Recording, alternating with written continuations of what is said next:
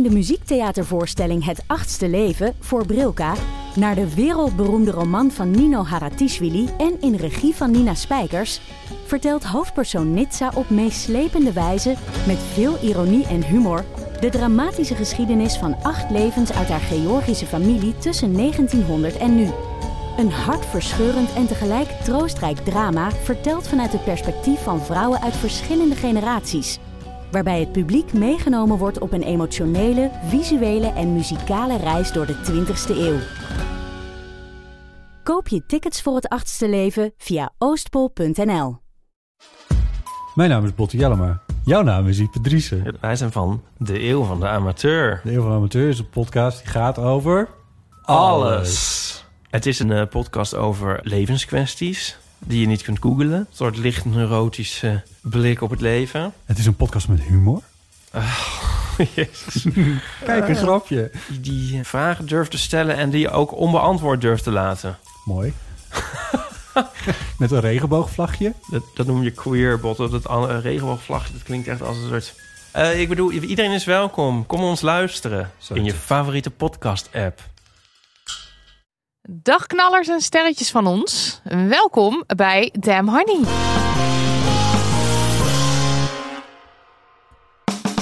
De podcast over shit waar je als vrouw van deze tijd mee moet dealen. Mijn naam is Marilotte. En ik ben Nidia en dit is aflevering 115. Het is de laatste aflevering van het jaar, mensen. En dus gaan we traditiegetrouw het jaar doornemen. Nou, dat doen we met iemand die al lang op onze wishlist Lang. stond. Uh, ze is journalist, ze is auteur en ze is bovendien mede-eigenaar en hoofdredacteur van ons favoriete online en offline magazine One World. Het is Sada Noorhoezen. Hallo. Hallo, welkom. Hallo, Welkom. hallo. Ja, je, jij, eh, jij ging lekker op vakantie. Ik ging lekker op vakantie. Je dacht, ik ga even bijkomen van 2022. en toen kwam de ziekte. Toen kwam de ziekte. Ja, ik, eh, ik ben ziek geworden op vakantie. Dat is nooit zo'n hele leuke combinatie. Ik heb ook een leuke vakantie gehad hoor, daar niet van. De eerste drie dagen. De eerste drie dagen waren goed. En eh, eh, nou, toen heb ik twee dagen... Ik heb ongeveer twee dagen echt binnen gezeten. Eh, nou moet ik zeggen dat ik niet op een hutje op de hei zat. Maar in een lu- luxe hotel. Dus het was in principe als je dan ergens binnen ja, moet dan, is zitten. het- dan, dan krijg je je ontbijt gewoon op je kamer geserveerd. Fijn, en, eh, dus het is allemaal niet vreselijk. Ja, Maar ja, je wil natuurlijk liever gewoon eh, zorgeloos genieten van je vakantie. tuurlijk, ja. Dus het is een beetje een uh, mwap, eh, zeg maar, eh, Einde. einde. Maar Ja. eh, het komt wel weer goed. Ja, ik heb vlak voor de vakantie dus ook voor het eerst COVID gekregen. Heel lang was de running gag op de redactie dat ik eh, Dat je de enige was die maar staande bleef. Ja, ja. Terwijl ik tegelijkertijd ook een soort superspreader was. Want iedereen wilde, raakt mij altijd aan. Dus iedereen wil, ja, mensen willen mij altijd knuffelen. Oké, Ja, dat is dus iets wat je losmaakt in de mensen. dat maak ik los in de mens blijkbaar. Ja, Ehm, ik denk dat heel veel mensen die mij niet kennen dat niet achter mij zouden zoeken. Maar het is echt zo het is mensen. echt wel, Waar ja. mens. eh, dus eh, toen dacht ik nog van, nou en ik denk wel dat ik eigenlijk, ik heb ook een theorie dat ik eigenlijk patient zero ben. Dat ik het eigenlijk heb Oh, gehad helemaal, gehad. Ja. helemaal aan het begin toen nog niemand het wist. Ja. Oh, En toen er ook nog geen testen waren, en toen ben ik heel ziek geweest. Oh ja. Dus dat was begin 2020. Ja. Ehm, en, eh, maar ja, je kon nergens heen, je kon, ja, je kon er niks mee doen. Was wel al dat jij wel al wist dat COVID toen al bestond, ja, maar het bestond maar. toen in China. Ja, precies. Dus Ja. niet We hadden het hier. hier nog niet echt. Ik zag gisteren nog zo'n tweet van de RIVM dat iemand dan zo eh, zei van... hey yo, die COVID moeten we daar niet eens eh, op letten in 20, begin 2020. en precies. RIVM zo... er is geen enkele reden Ja. om aan te nemen Nou. dat COVID in Nederland... En toen had ik het dus. Iemand geïnterviewd werd om, over van nee, dat is allemaal niet. eh, het is allemaal niet. we houden het in de gaten, maar Ja. dat is het dan ook wel. Ja, Maar goed, nou, toen had jij het dus toen had ik het, dus was Ja. ik dus doodziek. En toen, Ja. eh, eh, maar ik kon nergens terecht. En toen heb ik het drie jaar lang niet gehad. Ja, En een paar weken geleden wel. daar was, Daar was je dan. weer. Ja, was ik opeens. Maar het is ja. toch ook wel echt overal nu. En we Ja. hebben nul maatregelen. Dus op zich Ja. eh, is er Ja. bijna niet aan te ontkomen. Nee, nee, dus zelfs ik eh, Eh, niet immuun. Ja, nou waarom, waarom ik het even zei. Je zei net voordat we de opname begonnen van... ik kan misschien een beetje warrig zijn. Ja. Dus dan weet de luisteraar dat maar gewoon. Ja. En dat Ja. is all fine. Ja. Ehm, ik dacht ook eventjes voor de mensen die onder een steen hebben gelegen... en die denken One World... favoriete magazine van de Damn Honeys. Ik heb er nog nooit van gehoord. Lijkt me sterk als je ons volgt. Maar goed, wat is One World? Nou, Warmond is zoals je het zelf hebt omschreven heel goed een eh, online en offline magazine. Eh, wij verschijnen vier keer per jaar op papier. Eh, kwartaalblad. Ehm, lekker dik. Ehm, en we zijn dagelijks online. En wat ons ehm, kenmerkt is dat wij journalistiek voor rechtvaardigheid maken. Dus eigenlijk in alles wat wij doen ehm, is rechtvaardigheid ehm, ja, een beetje de, de leidraad. Eh, in de zin van onze onderwerpkeuze, de mensen die we aan het woord laten, ehm, de mensen die we podium geven, ook de mensen die we geen podium geven. Mhm.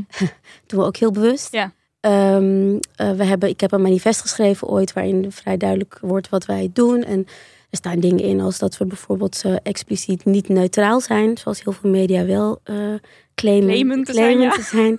Ehm, eh, en dat die neutraliteit zit hem niet in dat we onze mening verkondigen, maar dat we niet neutraal staan tegenover onrecht.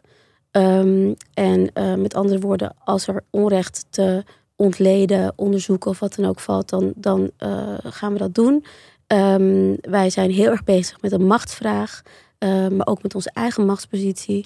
En zo zijn er meer dingen die wij anders doen dan andere, laten we zeggen, traditionele media. Ja. Ehm, dat wil niet zeggen dat wij geen traditionele media eh, beoefenen. Maar eh, wij ehm, stellen wel vragen bij de eh mores die in veel, ehm, ja, in, in veel journalistieke praktijken leven. Ja.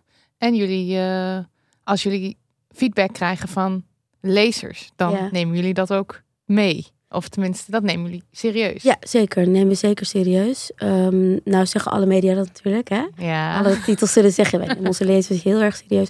En dat is ook zo. Alleen er is een verschil tussen zeg maar een hoekje voor je lezers om uh, ingezonde brieven te sturen. Dat zie je natuurlijk vaak in de krant. Of nou, dan kan je daar even je gal eh, kwijt. Maar ehm, ja, wat wij vaak doen is dat we onze lezers ook meenemen in beslissingen die we nemen. Dus als wij zeggen van bijvoorbeeld een van de stukken die we vandaag weer herplaatst hebben in ons lijstje van 2022 stukken die je eh, niet moet missen, is bijvoorbeeld een stuk over dat wij op een gegeven moment, wij omschreven onszelf als, eh, nou, rechtvaardigheid is de paraplu waar, waaronder wij opereren. Dan hebben we drie hoofdthema's, namelijk ehm, eh, mensenrechten, eh, identiteit en duurzaamheid. En dan hebben we gezegd op een gegeven moment, stoppen met het woord duurzaamheid.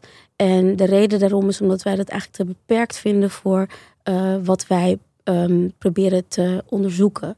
Ehm, we, gaan, we willen willen veel meer richting klimaatrechtvaardigheid. Dat is een grotere paraplu waaronder, eh, waarbij, kijk, duurzaamheid is een soort economie geworden. Dat is Mhm. een economie van technologie en snufjes, waarmee je ehm, de klimaatcrisis zou kunnen overwinnen. Ja, dus Maar met de elektrische auto en de vegaburger ga je de wereld redden. Dat is een beetje Precies, ja, wat precies. mensen voorges- Ja, voorgeschoteld krijgen. Ja, maar niet iedereen kan een Tesla betalen. En ook niet iedereen kan een vegaburger betalen. Dus hoe inclusief is dat? En hoe eerlijk is dat? Ehm, nou, eh, eh, en klimaatrechtvaardigheid gaat veel meer over eh, ehm, de klimaatcrisis op een holistische manier aanpakken. En veel meer kijken naar andere aspecten die er ook bij spelen, namelijk seksisme, racisme, kolonialisme. Ja. Ehm, eh, eh, om ook de situatie van die klimaatcrisis goed te kunnen begrijpen en ontleden. Dus waar wij heel veel mee bezig zijn, is lezers niet alleen maar vertellen wat er mis is, maar ook naar de bron gaan, naar de oorsprong, naar hoe is dit zo gekomen. Ja. Als je dat wil ontleden, dan moet je veel omvattender werken. En dan moet je ook eh, ehm, eh, veel meer ehm, zaken niet isoleren van elkaar. Ja. Eh, wat heel veel natuurlijk in zeg maar, het nieuws gebeurt, waar ik jarenlang in gewerkt heb. Ik heb 15 jaar voor, voor kranten gewerkt. Is dat het heel vaak wordt geïsoleerd van elkaar. Dus het is, oké, er is een probleem met stikstof, bijvoorbeeld. Nou, dan gaan we het hebben over boeren die boos zijn. Of eh, eh, politici die iets anders willen. En, maar je komt niet echt tot de kern van hoe zijn we op dit punt gekomen. En dat is wel wat wij steeds proberen te doen. Ja. ja, dus ook meer de diepte in en eh, niet voorbij de waan. Ja. Voorbij de waan van de dag. Dat En jullie ook bestaan meer tien jaar dit jaar. Ja. Nou, ah, ja, officieel vorig jaar, tien jaar. Oh. Ja, ja, Huh? ja dat was voor. Wat? Ja, ja. Nee, wij zijn niet on top of it. Nee, dat, Geeft, dat geeft niet. Dat is ook niet zo raar, want vorig jaar waren we officieel tien jaar. Bestond, bestond Warmweld precies tien jaar. Korte geschiedenisles, als jullie Ja, leuk. zin in Ja, hebben. kom maar. Ja, oké. ehm, nou, eh, ik ben sinds 2018 hoofdredacteur van One World, maar One World bestaat sinds 2011.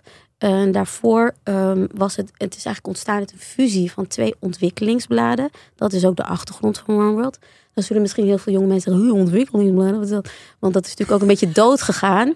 de ontwikkelingssector, dat was een gigantische sector eigenlijk in Nederland. ontwikkelingssamenwerking heette dat. Dat was dus een, ook een heel departement uh, op buitenlandse zaken. Uh, er waren ministers voor en dat soort dingen. Nou, dat is onder Rutte allemaal een beetje zo doodgebloed langzaam. Mm um, maar dat was een hele grote sector die eigenlijk voortkwam uit zendelingenwerk, missiewerk. Dus hè, rijke landen of westerse landen gingen uh, niet-westerse landen uit de armoede helpen. Redden. White Redden saviorism. white saviorism yeah. in practice. En, um, maar de, um, nou ja, daar waren ook media voor. Uh, je had het blad van Oxfam Novib. Misschien kennen mensen dat nog. Er bestaat nog steeds, dat, dat, uh, dat heette Onze Wereld. Hoor je One World, Onze Wereld? En dan had je het blad, ja. En dan had je het blad, uh, en dit is heel grappig, het heette IS. Oké. Okay. dat staat voor internationale samenwerking. Maar het werd gewoon afgekort tot IS. Yes, voordat IS een ding was. Ja, kon dat nog? Ja, toen kon dat nog. Um, en uh, die twee zijn gaan fuseren, omdat ze eigenlijk elkaar aan het beconcurreren waren. En het sloeg eigenlijk nergens op. Uh, en het een was betaald, dat was, uh, dat was um, Oxfam Novib. En het andere was volledig gesubsidieerd en dat was IS. Hm. Um, en toen, dat was dan, dat was ik allemaal kinderzinnen, bla bla. Want uh, wij moeten, dat is een betaald blad en dat krijgt allemaal subsidie. En dat is oneerlijk. En op een gegeven moment was het van ja, maar er is sowieso niet zo heel veel ruimte op deze, in deze niche. Dus ja. laten we maar samenwerken. Toen zijn die gefuseerd tot One World. Uh, en dat was toen ook nog onderdeel van een internationaal netwerk van uh, ja, ontwikkelingsclubs en media ook. Um, en toen was dat dus eigenlijk het eerste land. En het was heel groot. Was, we hadden een oplage van 110.000. Dat kun je bijna niet voorstellen. Nee, dat... Maar het was ook volledig gratis. Oh ja. Ja. Dus je kreeg het bijvoorbeeld bij je Oxfam uh, uh, donateurschap. Ja. Oh ja. Of je kreeg het, het was ook een vakblad. Dus het was ook voor mensen die op het ministerie werkten. Of in al die nu zwaar uh, verminderde. Maar toen was het de ontwikkelingssector heel groot. Dus er waren heel veel organisaties Um, die, en heel veel personeel in dienst hadden. Nou, die wilden dat blad allemaal lezen, want het was het vakblad daarvoor. Um, en uh, nou, toen in 2014 of 15, toen bleek dat uh, sowieso ontwikkelingssamenwerking ook vanuit het ministerie steeds minder uh, aandacht zou krijgen. Dus het werd vervolgens op een gegeven moment werd het, het departement hulp en handel. dat was toen onder Lilian Ploemen. Uh, nou, dit werd al veel meer een soort van, ja, we moeten eigenlijk Nederlandse, um, eigenlijk is, zijn Nederlandse on, ondernemers in bijvoorbeeld Kenia, is eigenlijk ook ontwikkelingswerk. Dus het werd gewoon ge, ge, ge, mm rebrand. Het werd gerebrand helemaal. Hè? Dus het werd dan van, ja, eigenlijk, want dat werkt, het levert werkgelegenheid. Dat is eigenlijk veel beter dan wat we deden met die hulp, weet je wel. Het is veel gelijkwaardiger. Wat natuurlijk een beetje bullshit is, want uiteindelijk was het gewoon expansiedrift gesubsidieerd door de overheid. Ja, precies. Ja, nou, en uh, nou, daar waren dus allemaal uh, de trucjes en dingetjes omheen. Er was ook heel lang nog een nou, lang verhaal. Uh, het was nog heel lang een, een soort, ook een soort ondergrens van het budget, van het nationale budget, dat naar ontwikkelingssamenwerking moest. Namelijk 0,8 of 0,7 procent. Ik geloof dat we daar al ondergedoken zijn. Um, dus zo is dat langzaam uitgevisseld. En toen werd ook de subsidie voor een blad als werd ook. Was ook klaar. Ja. Dat, dat kwam weer aan dat dat ging stoppen. Ja. Nou, en toen, hebben ze, toen heeft Warmond ook de, eigenlijk de, onderwerpen een beetje veranderd. Uh, het veel meer gegaan ook over, dat hebben mijn voorgangers eigenlijk al gedaan, um, over uh, onrechtvaardigheid hier. Niet alleen ver weg. Het was heel lang daar zijn problemen. En hier wij niet, moeten ja. hier, precies. Ja. ja. En hier, Die kennen we wel. Ja, precies. En, en, en daar is onrecht, ongelijkheid Ja. en hier niet. Nou, en zo hebben die, eh, een aantal van mijn voorgangers, bijvoorbeeld Lonneke van Genuchten, maar ook eh, die was de hoofdredacteur voor mij. Die heeft toen bijvoorbeeld eh, eh, jonge columnisten van kleur erbij gehaald hier. Het was ook best wel een wit blad, weet je wel. Waar het toch ook best wel ging over witte welzijnswerkers in den vreemde, weet je wel. Ehm, nou, en eh, toen was dat alweer, hè, het, het, het was eigenlijk kreeg al een andere koers. Ehm, er was aandacht voor racisme, voor kolonialisme, voor, maar ook voor de ontwikkeling, de, de, de, de, de, de rare dingen die aan de hand waren in die sector zelf. Ja. Dus dat was al aan de hand. En toen, wilden ze, toen wisten ze van, nou, die subsidie gaat echt helemaal stoppen. We willen nu echt een andere koers eh, in. Zoek een nieuwe hoofdredacteur. En nou, toen kwam ik, eh, toen verscheen ik. En toen ging er natuurlijk best wel veel veranderen. Ook het uiterlijk. Ik wilde veel meer urgentie. Ehm, ik wilde het veel meer een blad van nu maken. Ik, het was leuk geweest als ik wat had meegenomen. want Dan kan je het verschil zien. Het is echt, Oh ja. ja, het is echt vrij bizar. Maar dat stuk staat gewoon online. Over, dus naar aanleiding van 10 jaar Warmond hebben we die journey terug helemaal gemaakt. En laten zien hoe het ooit was. Ja, dan, dan, dan denk je wel van wow, dat is Er echt zijn veel stappen gezet. heel veel stappen gezet. Ja. En ehm, nou ja, eh, toen eh, vervolgens, om het even helemaal rond te breien. Zijn mede-eigenaar. Ik was natuurlijk gewoon in dienst eh, bij OneWorld. En eh, op zich ging het journalistiek gezien eigenlijk elk jaar steeds beter. Ik steeds meer eh, kreeg. Ik weet niet wanneer, jullie- wanneer jullie met OneWorld in aanraking zijn gekomen. Ik denk begin Dem Honey. Dem Honey. Want Dus wanneer was zal dat? Dat is vier jaar geleden. 2018 zijn toen Nou, jij... ik- ja, ja, precies. Ja. Ja, toen jij begon. Nou ja, we hebben toen best wel veel aandacht besteed aan gewoon eh, online aanwezigheid.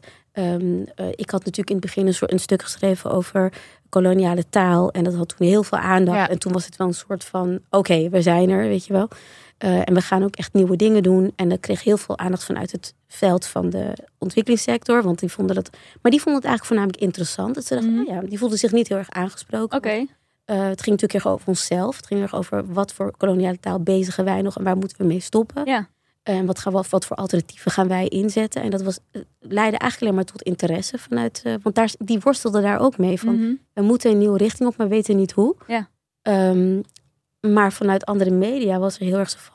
Nou, mag je nou helemaal niks Wij mogen dat dan nu ook niet meer zeggen of zo. Zij zagen het als een soort lijst van... eh, Verbod. ja. Ja, ja. En, eh, ja, goed. De usual suspects was geen stijl. Die uh, Ja. taalpolitisch van One World. of Ja. Wat ze allemaal zijn.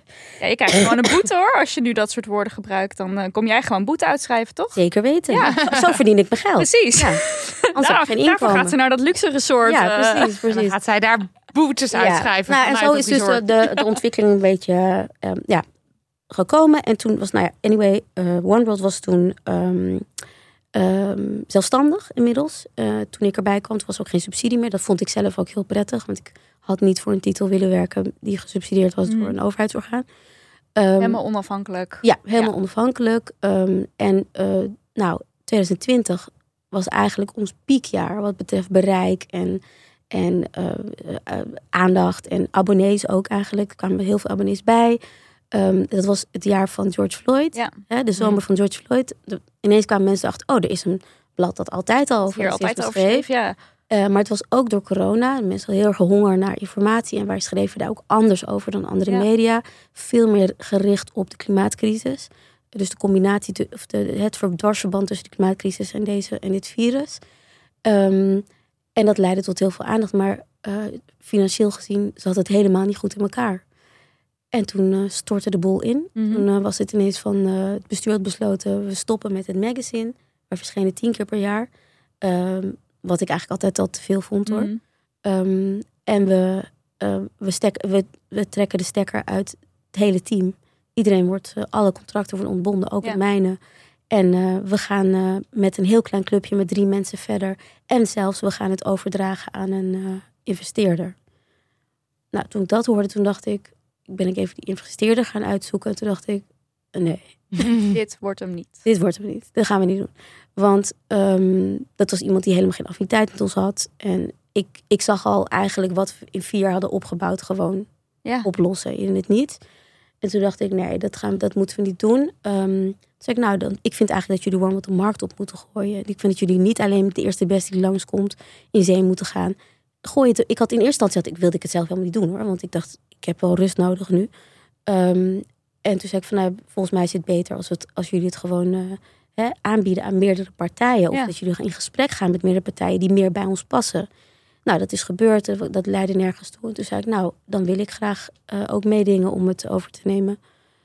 Ik tegenover die investeerder.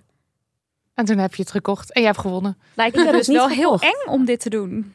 Ja, Ja, maar ik dacht, ik dacht er eigenlijk helemaal niet over na. Je Want hebt ik het dacht, gewoon gedaan. ja, ik dacht, ik heb toch, eh, wat, wat heb ik te verliezen? Ik heb niks te verliezen. Ik ben al ontslagen. ja Dus precies. Ik heb ja. Geen- ook. Ja. ja, ik heb geen, of ontslagen. Ik bedoel, ik heb geen contract meer.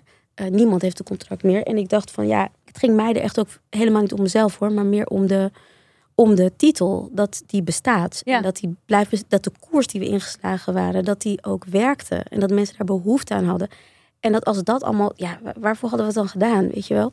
Dus toen ehm, hebben we een, eh, een businessplan moeten maken. Dus iemand met heel veel geld en ik. Yes. maar dit is een goede les, want geld is, want jij zei, ik heb, het- ik heb het niet gekocht. Nee, nee, nee. Met, met iemand. Nee, Iemand heeft het. niemand heeft het gekocht. Heeft niemand het ge- Nee, want weet was, niks. Sticht, Warmond was een stichting. Dus het, is, het hoort- behoort tot niemand. Alleen, er waren natuurlijk wel bepaalde kosten die eraan kwamen. Ja. Die eh, gedekt moesten worden. Die een begrotingstekort was er. Ehm, en eh, dat bleek te overzien. Dat kon, en opeens ja. dachten we, dat kunnen we uit de lopende, lopende kosten die komen. Als Kunnen wij de abonnees weten te behouden, kunnen we dat gewoon betalen. Maar ik, eh, eh, ik- zie ik het dan wel goed dat, laten we God verhoeden dat het gebeurt, maar stel het gaat fout, dan loop jij ook, dan loop je wel fi- financiële risico's ook niet.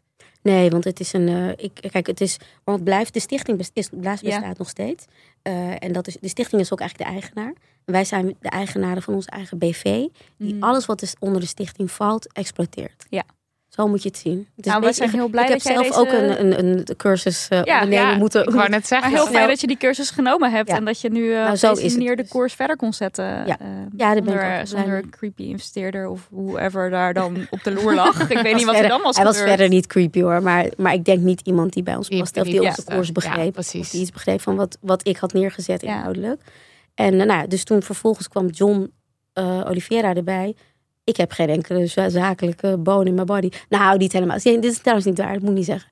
Maar ik heb er geen ervaring mee met bedrijven opzetten. En hij wel. Ja. En hij zei, hij zat in mijn redactieraad. En hij zei, ben je hier nou serieus over? Zei hij, ga je dat nou doen? Toen zei ik, ja, weet ik veel. Ja, ik denk het wel. Dus ik, had, ik had verder gewoon... En toen zei hij, eh, nou, als je er echt serieus over bent, dan wil ik wel met je meedoen. Vet. En toen dacht ik, oké, nou komt het. Hell yes. Ja, Nou, komt Iemand en dan samen. Ja. Ja. Zo is het gegaan. Nou, heel blij mee. Sorry voor deze ontzettend Nee. lange geschiedenisles die in de jaren Ik 60 denk heel, eh, heel goed. ja, leuk. ik ook. En ook wel misschien inspirerend. Want een mens kan natuurlijk ook denken, Ja. dit kan gewoon. ja, het kan namelijk echt gewoon. Ja. Dus, ik bedoel, het is wel anders natuurlijk als het echt een bedrijf is waar je, eh, weet ik veel, eh, een miljoen voor moet neerleggen of een paar ton of weet ik veel wat. Zo was het ook weer niet.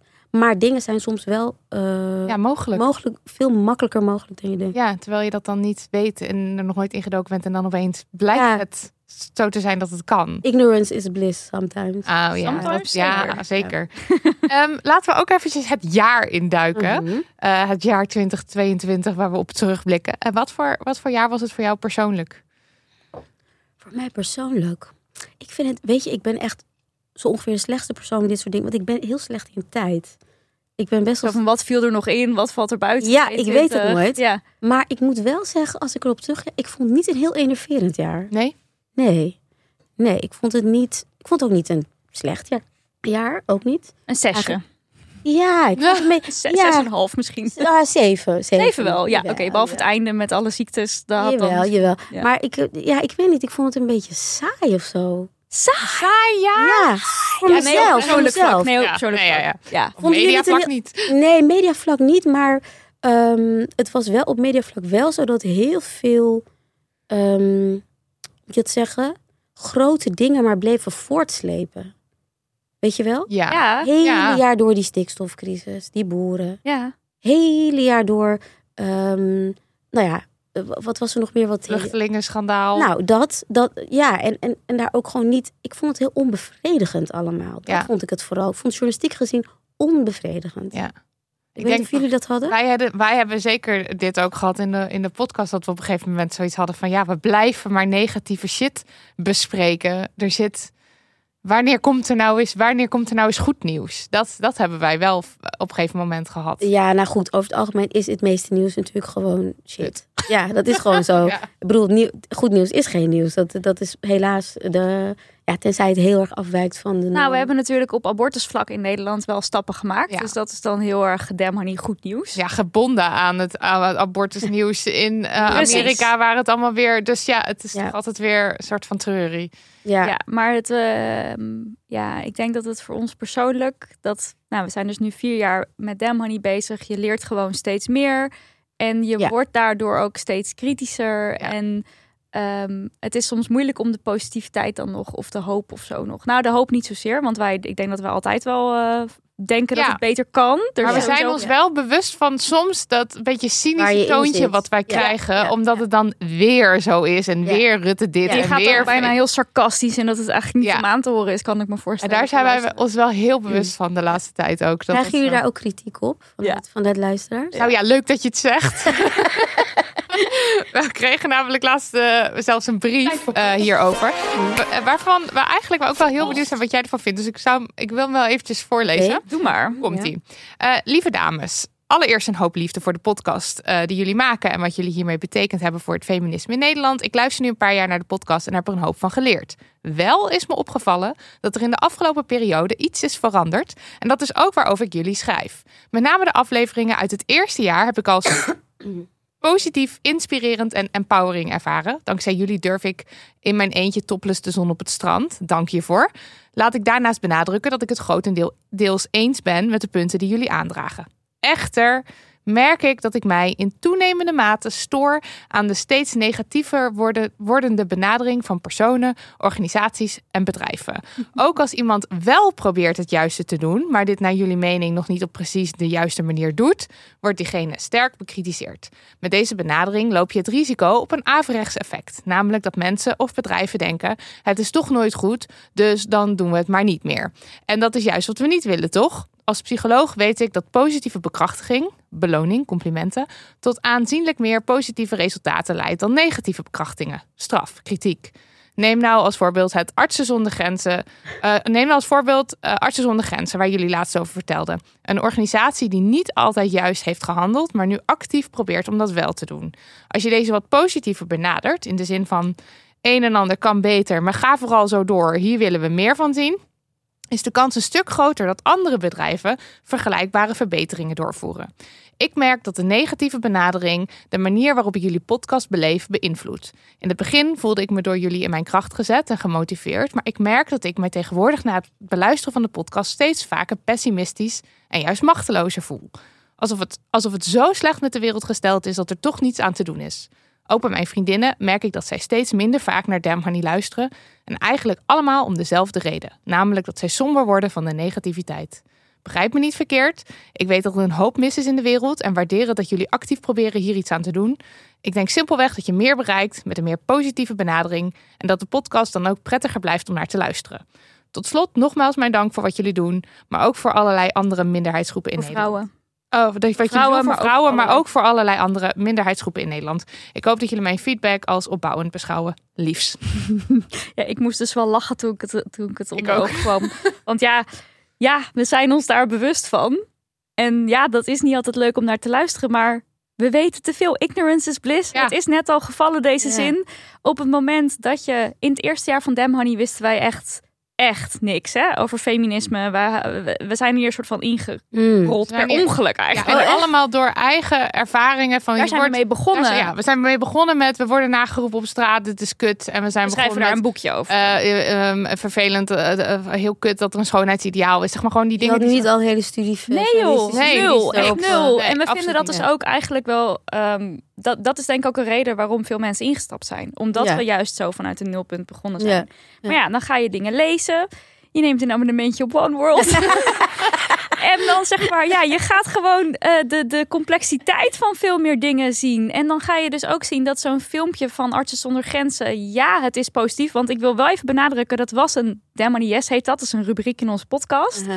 Maar daar heb ik toen een soort spel van gemaakt van is het een yes of is het een no? Want het Mm. was, het was een yes, maar het Was yes, ook een, er zat ook een negatieve kant aan. Ja. Dus dat hebben we allebei benoemd. En ja, dat, dat ga je gewoon steeds meer zien. Zijn dingen, zijn dingen eh, ja, echt, ehm, weet je wel, zijn de lonen bijvoorbeeld voor alle werknemers van Artsen zonder Grenzen gelijk getrokken? Of is het eerst even een film? Nee, precies. Ja. Nee, dus, dat- Dus- ik vind, nou sorry, ik, ja, ik moet zelf ik, ik word zelf altijd een beetje geïrriteerd van dit soort berichten. Kijk, die krijgen wij natuurlijk ook. Hè? Ja, dat zal Eh, wel. ja, zeker. En nu minder, omdat mensen er gewend aan zijn geraakt. Maar in het begin, toen ik natuurlijk net de boel had overgenomen, of niet overgenomen, maar toen ik de hoofdredacteur werd, toen moesten mensen enorm wennen aan eh, totaal andere benadering, weet je wel. En ik vind ook, eerlijk gezegd, vind ik ehm, mensen eh, verwarren kri- kritisch zijn met negatief zijn. Ja, Dat, Ja, dat is echt ben een grote fout. En ik vind het ook heel Ja. erg Nederlands. Ik vind het heel erg Nederlands. Dat alles altijd feel good moet zijn. Eh, nee. Ten eerste, dus mensen moeten echt het onderscheid weten tussen... Dus kijk, er wordt ook heel vaak tegen mij gezegd... Jij zou wel een kut leven hebben. weet je. Weet je wel? Zure, Ja, zo'n zure. Ja, ja, zo'n zuurpruim zal je wel zeggen. Get alive. Dus mensen denken dat omdat je het ziet... Kijk, once you see it, you can't unsee it. Ja. Dat is het hele probleem. Dus als je het eenmaal ziet, dan verbaas je je er ook niet over. Alleen, je, je wijst het aan. Ja. Hè? En het aanwijzen itself is voor heel veel mensen al heel erg een soort van... Oh, wat negatief en wat onaardig. Ja. En wat weet je wel. Terwijl ik denk van. eh, en ook bovendien, Arts zonder Grenzen is een wereldwijde organisatie. Die kunnen echt wel tegen een negatief of, of een, een kritische toon van Damn Honey. Ja joh, die gaan dat ook helemaal niet horen waarschijnlijk. Nee, precies. Die horen dat niet eens. Dus, Nee. dus, het hele idee, oh sorry, dus het hele idee van dat, dat zij daar dan door dan ontmoedigd zouden raken en in zak Ja. en as zouden zijn en denken, nou laat dan maar zitten, dan doen we nooit meer wat. Weet je, dat is gewoon bullshit. Dat slaat gewoon nergens op. Ja. Bedrijven al helemaal niet. Nee, want die Bedrijven- gaan voor geld. Die, die bestaan om, om winst te maken. Ja. Ja. That's all they care about. En alles wat ze doen is daarop gericht. Dus ook als ze positieve campagnes of imago, dat is allemaal gericht op gewoon. Bijvoorbeeld dan hoor je nu mensen zeggen, ja, maar je hebt tegenwoordig wel heel veel zwarte mensen in reclames. Dan denk ik, ja, dat is geen emancipatie. Dat is gewoon een, een, een afzetmarkt die ze links hebben laten liggen. Opeens denken ze, wait a minute, die hebben ook het geld. Ja. Ja, precies. Dat heeft niks, dat heeft niks emancipatoirs. Het is ook helemaal niet, eh, helemaal niet ehm, weet ik veel, eh, bevorderlijk of zo. Het is gewoon geld uit je zakken kloppen.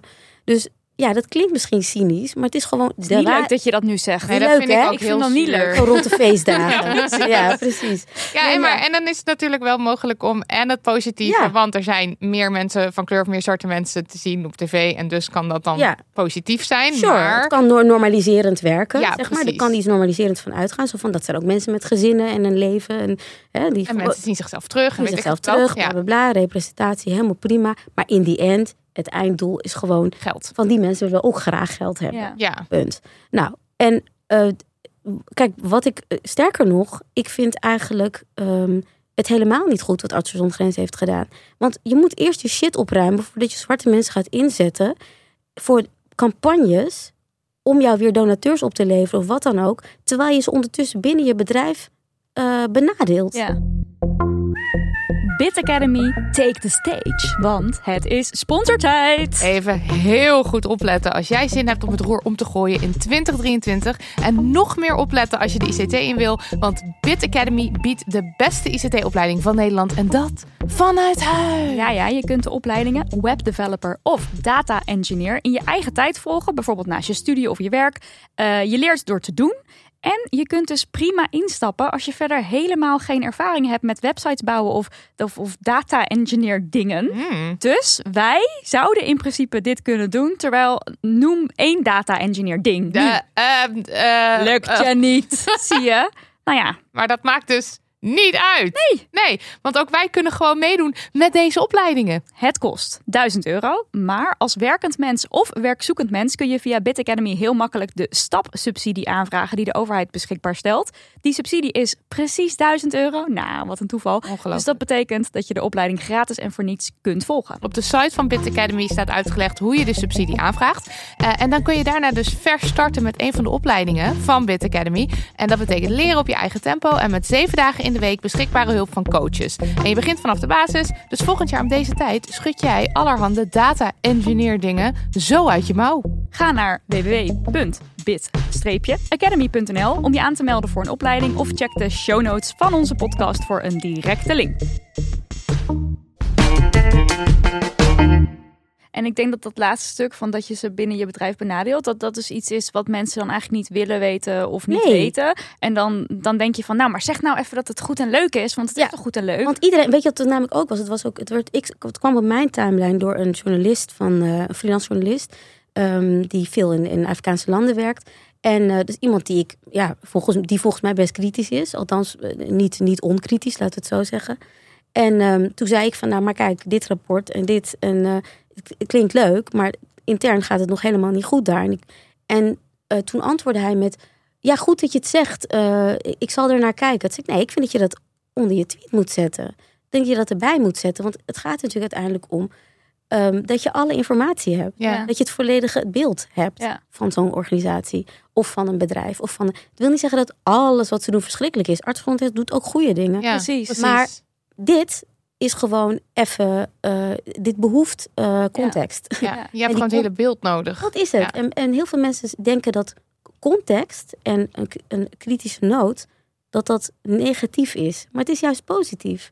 Want daarmee zeg je, wat jullie doen, doen oké. maar als je dat niet oplost, dan heeft het eigenlijk niet zoveel zin. Dus willen we echt tot een beter resultaat komen of tot iets rechtvaardigs, dan moet dit er ook bij. Ja. En ja, de meeste mensen willen dat inderdaad niet horen of niet de hele tijd horen. En wat ik ook heel vervelend vind, is dat mensen dat vervolgens op zichzelf betrekken. Ja, maar dat is Stop sowieso. daarmee. Maar dat is sowieso met luisteraars. En ik doe dat zelf ook hoor. Je luistert naar iets en je maakt er eigenlijk een volledig eigen verhaal van. Ik heb dat Want helemaal niet. Wij krijgen, nou ja, heel Nou, goed we- dat ja. jij dat dan niet Hoezo hebt. heb je dat? Nou ja, ik, eh, eh, ik ga niet brieven sturen, laat ik dat erbij zeggen. Maar je hoort wel eens iets en dan denk je, nou, maar, maar dat, dat zeg je nu niet. Of zeg maar dat je je eigen, je eigen ding eroverheen legt. En daar, daardoor soms dingen hoort die misschien niet gezegd worden. En dit hebben wij dus ook gemerkt. Ja. ehm, Naar aanleiding van de theatershow.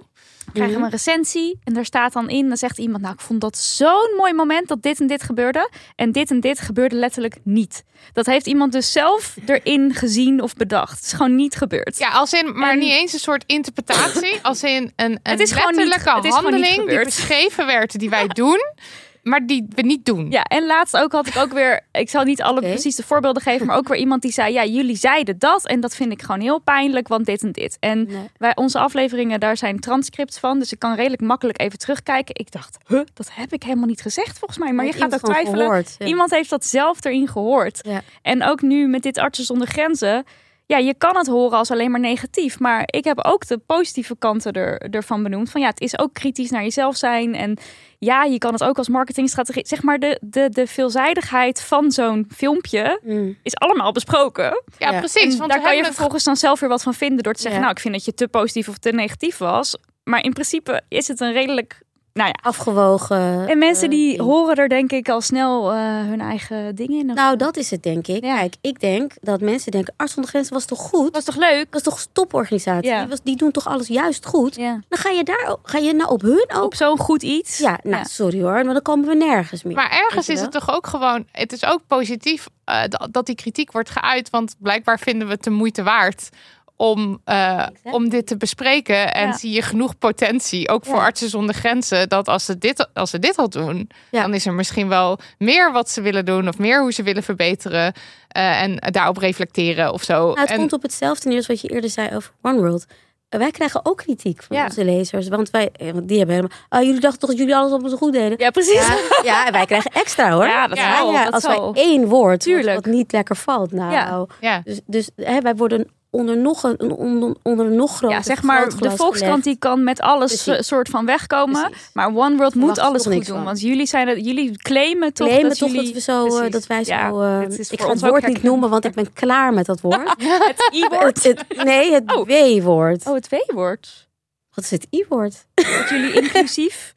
Oh nee, dat is jij bedoelt inclusief, jij bedoelt woke. Ja, Oh, het ja, W-woord, het ja. W-woord. Nee, Dat het even W-woord. Het woord dat ik, niet- dat ik weiger nog te Ja. gebruiken. Eh, ik heb het sowieso nooit gebruikt. Sorry, ja, ik dacht... Ja, het W-woord. Ja. Het I-woord. eh, ja, nee, dat gebruik ik, heb ik eigenlijk nooit eh, gebezigd. Maar, we- maar, maar woke heb ik ook nooit gebezigd. Ik heb ook wel eens gezegd, ja, je moet toch maar antwoord wel heel cryptisch. Ja, de gaan we, dan snappen mensen er niks Nee, meer van. We gaan maar- gewoon het beestje bij de ja, naam. Ja, maar goed, eh, dat, eh, dat heb ik ook nooit gebruikt. Maar ik heb ook volgens mij geleden ook wel gezegd van... Mensen die, alle mensen die worden beticht van woke zijn... dat zullen jullie zijn, dat zullen wij zijn, dat zullen wel meer... mensen die gewoon eh, gelijk, gelijkwaardigheid eisen... of eh, rechtvaardigheid eisen voor iedereen... Ehm, die noemen zichzelf helemaal niet zo. Heb Nee, jij nee. jezelf ooit En zo genoemd? zullen- Gebruiken jullie het woord? Nee, Nee, en dat die echt nou alleen misschien in ironische zin. Alleen in iro- maar niet... eh, maar ehm, weer woke bezig? Ik denk ook dat eh, op het moment dat je daarvan dat, zeg maar beticht wordt, dat je juist je ervan bewust bent hoeveel fouten je nog maakt en hoeveel ehm, dat het dat het ja zeg maar mensen is- hebben een het is idee niet eens dat fouten. Het is meer van, weet je, dat, dat ik. je bent lerende, laat ik het Er dan is altijd zeggen. ruimte voor verbetering. ja, en er is altijd eh, iets wat, wa- waar jij niet over nadenkt. wat je mist Ja, wat en je dan mist. en En dan dat is- stuurt iemand een mail en dan denk je oh Ja, oh ja Of je hebt gewoon een gesprek met iemand en je komt erachter Ja. van, oh, hmm, dat was inderdaad misschien niet zo slim van Ja. mezelf. Of, of eh, oh ja, nu je het zo stelt, ja ja, misschien eh, had ik daar even wat langer bij stil moeten staan of zo. Maar er is een soort van, ehm, ehm, hoe moet je dat zeggen? Ehm, vandaag was er het nieuws over dat, geloof ik, SCP had gezegd dat, eh, was het nou media of politiek, moeten stoppen te zeggen dat alles zo gepolariseerd is.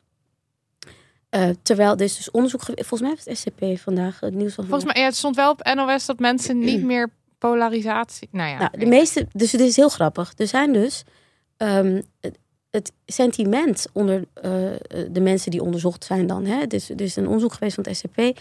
Is dat we ontzettend gepolariseerd zijn. Ik denk dat heel veel mensen helemaal niet weten wat het betekent. Dat ze gewoon een woord hebben gebruikt. Dat ze een woord gebruiken waarvan ze eigenlijk niet goed weten wat ze er zelf mee bedoelen of wat ermee bedoeld wordt. Nou, wat is het nieuws? NOS, Nederlanders ergeren zich aan polarisatie, omringen zich vooral met gelijkgestemden. Dat is dan een, eh, Ja, een onderzoek van het Sociaal en Cultureel Planbureau. Ik zal even een linkje Ja. in de show notes. ergeren zich daaraan en, en, en eh, denken ook dat het allemaal heel erg is. Dus dat, dat we allemaal lijnrecht tegenover elkaar staan. Dus dat er twee kampen zijn in Nederland.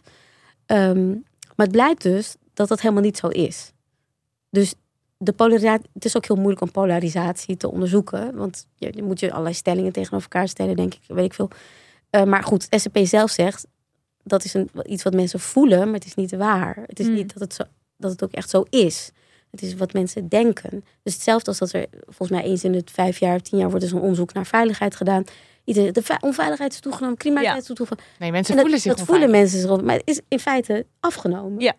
Ja, ja, ja. Dus het is een heel groot verschil tussen wat mensen denken. Dus dat, dat, dat geldt ook voor dat hele woke. Van ja, je kan niks meer zeggen. En je bent overal moet je op je tenen lopen. En eh, je, kan niet eens meer gewoon eh, een les geven over weet ik wat. Nou ja, dus eh, we zitten allemaal in een soort keurslijf. We worden gedwongen door die woke.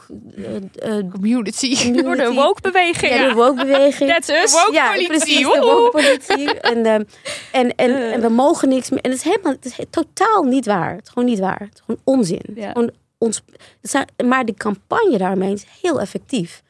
Ehm, een van onze best gele- of nee, het best gelezen stuk waar maar, mensen maar geen. Ik word er zelf een beetje moe van dat het hele tijd bovenaan meest al het Ja. hele jaar meest Over die, gelezen over die woke. over woke. Dus Ja. het- ons stuk over woke, over waarin we echt uitleggen wat is het nou, wat zijn de misverstanden, hoe wordt het misbruikt. Ehm, wat is ook, maar we leggen ook de campagne eromheen uit. De, de, zeg maar de, de, laat zeggen, de haatcampagne rond woke. Hè? Ja, het is natuurlijk heel strategisch. eh, Heel strategisch. slim om mensen weg vanuit te zetten. Ja. We hebben natuurlijk Jezilkus, eh, minister Ja. van Justitie, nog gehoord. Die, die, De grootste vijand, toch? dat is de grote vijand Ja. voor de rechtsstaat. Ja, Wel. ja. hè, bedreigt ons. Ehm, ze, ze trok het gelijk met rechtsextremisme. Dat is allemaal heel erg kwalijk. Ik bedoel, ik kan bijna niet vaak genoeg benadrukken hoe gevaarlijk dat is. Wat, wat een, ambt, een, een bewindspersoon doet. Ehm, en dan moet je dus weer terug naar, waar hebben we het eigenlijk over? We hebben het over niks. We hebben het over helemaal niks. Ja. Sentiment. Een Gevoel. sentiment, een gevoel. En daar bouwt deze minister op Ja. deze vrouw, eh, deze eh, eh, iemand, uit- vervolgens eh, die, die le- lezeres of de, of de mm, briefschrijver, die had het over vrouwen en andere minderheidsgroepen. Vrouwen zijn geen minderheid. Nee, nee, dat is zo. We zijn misschien zelfs wel een meerderheidsgroep. ja, we zijn een meerderheidsgroep. Er zijn iets meer vrouwen. Ja, dus dat, eh, als, als, als vaste luisteraar van Dem Honey had dat toch wel door moeten zuipelen, denk ik. Nou, maar weet Maar- je wat ik ook vind in die brief? Maar dat, dat er dan ergens... soort- Ja, sorry, laat ik eerst jou afmaken. Nou ja, goed, eh, die gebruikt dus een sentiment dat gebaseerd is op niks. En die gaat daar campagne op voeren. En die gaat zeggen dat is een, een gevaar voor jouw bestaan. Voor, de, voor zelfs eigenlijk voor dit hele land Ja. eigenlijk. Ja, ik, ik, snap niet dat... Daar is wel weerwoord op gekomen, maar echt niet genoeg. Nee. En al helemaal niet eh, vanuit andere, eh, vanuit media, vanuit eh, columnisten, vanuit opiniemakers, maar ook vanuit andere politici. Ja, Waar de fuck zijn linkse politici die hier tegen ingaan? ja.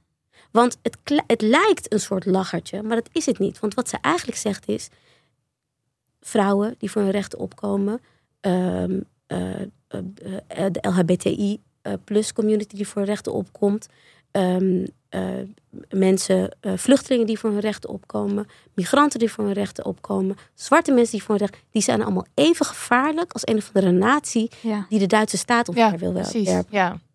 Sorry, maar Want je trekt alles gelijk aan elkaar. doe even normaal. Waar, in wat voor tijd zijn we beland? ja. Dat we dat dus, nou, dat is gewoon even het gebbetje van de week. En dan gaan we weer door. Ja. Ik vind dat heel kwalijk. Ik vind het echt heel kwalijk en heel gevaarlijk. En het, het is een patroon van de afgelopen twintig jaar die maar En het houdt niet op. Het gaat maar door. Het krijgt steeds een andere vorm. Het begon met Fortuyn en vervolgens werd het Wilders en vervolgens werd het Baudet. En weet je, we krijgen steeds andere vormen Ja. ervan. Ja, en het, en het wordt extremer. Veel extremer. Ja, en ook veel meer dat het allemaal maar gewoon gezegd kan worden in de, in de Tweede Kamer. Over, over wat, wat waren de woorden ook alweer die gebruikt zijn, tribunalen en zo. Dat het allemaal uitgesproken kan worden. Nou is daar wel weer wordt op geweest. Maar het gaat altijd steeds om, zeg maar... Kijk, de- je tegen de FVD eh, eh, ehm, weren is makkelijker. Omdat ze toch een beetje als een soort, ja, rariteit, weet je wel, Ja. binnen dat... Maar de VVD is gewoon Ja. een keurige ja, partij, precies. toch? Ja. Ik vind van niet, hoor. Ik vind het de VVD... Nee, dat- Nee, Dat is maar veel mensen vinden Veel dat. mensen vinden, want Ja. getuige het feit dat het gewoon de regeringspartij is. Met Ja. andere woorden, heel veel Nederlanders stemmen op de VVD. Ja, en, en ik bedoel, hij komt op de fiets met een appeltje natuurlijk. Ja joh, hij heeft toch Ja. die appels. Toch Ja. een hele leuke man. Precies. Dus dat wordt als een soort beschaafde club gezien. Ja. waar zeer onbeschaafde, gevaarlijke dingen Ja. uit voortkomen. En dat besef, ik vind dat dat echt veel te weinig is. En ook in de media. Ik vind dat in media, ehm, wat ik heel eng vind, is dat je de verrechtsing die je in de politiek hebt gezien, dat je die één op één kunt leggen met de verrechtsing in de media. En dat is echt, dat besef is er te weinig, vind ik, in Nederland. Dat media meebewegen met de politiek. In plaats van die politiek bekritiseren. Ja, ja, ja. Dat is echt een, een, een, een ehm, analyse, vind ik, die nog veel te weinig wordt gemaakt in media zelf. Dus volgens mij was, ik heb al een beetje van tevoren zitten piepen.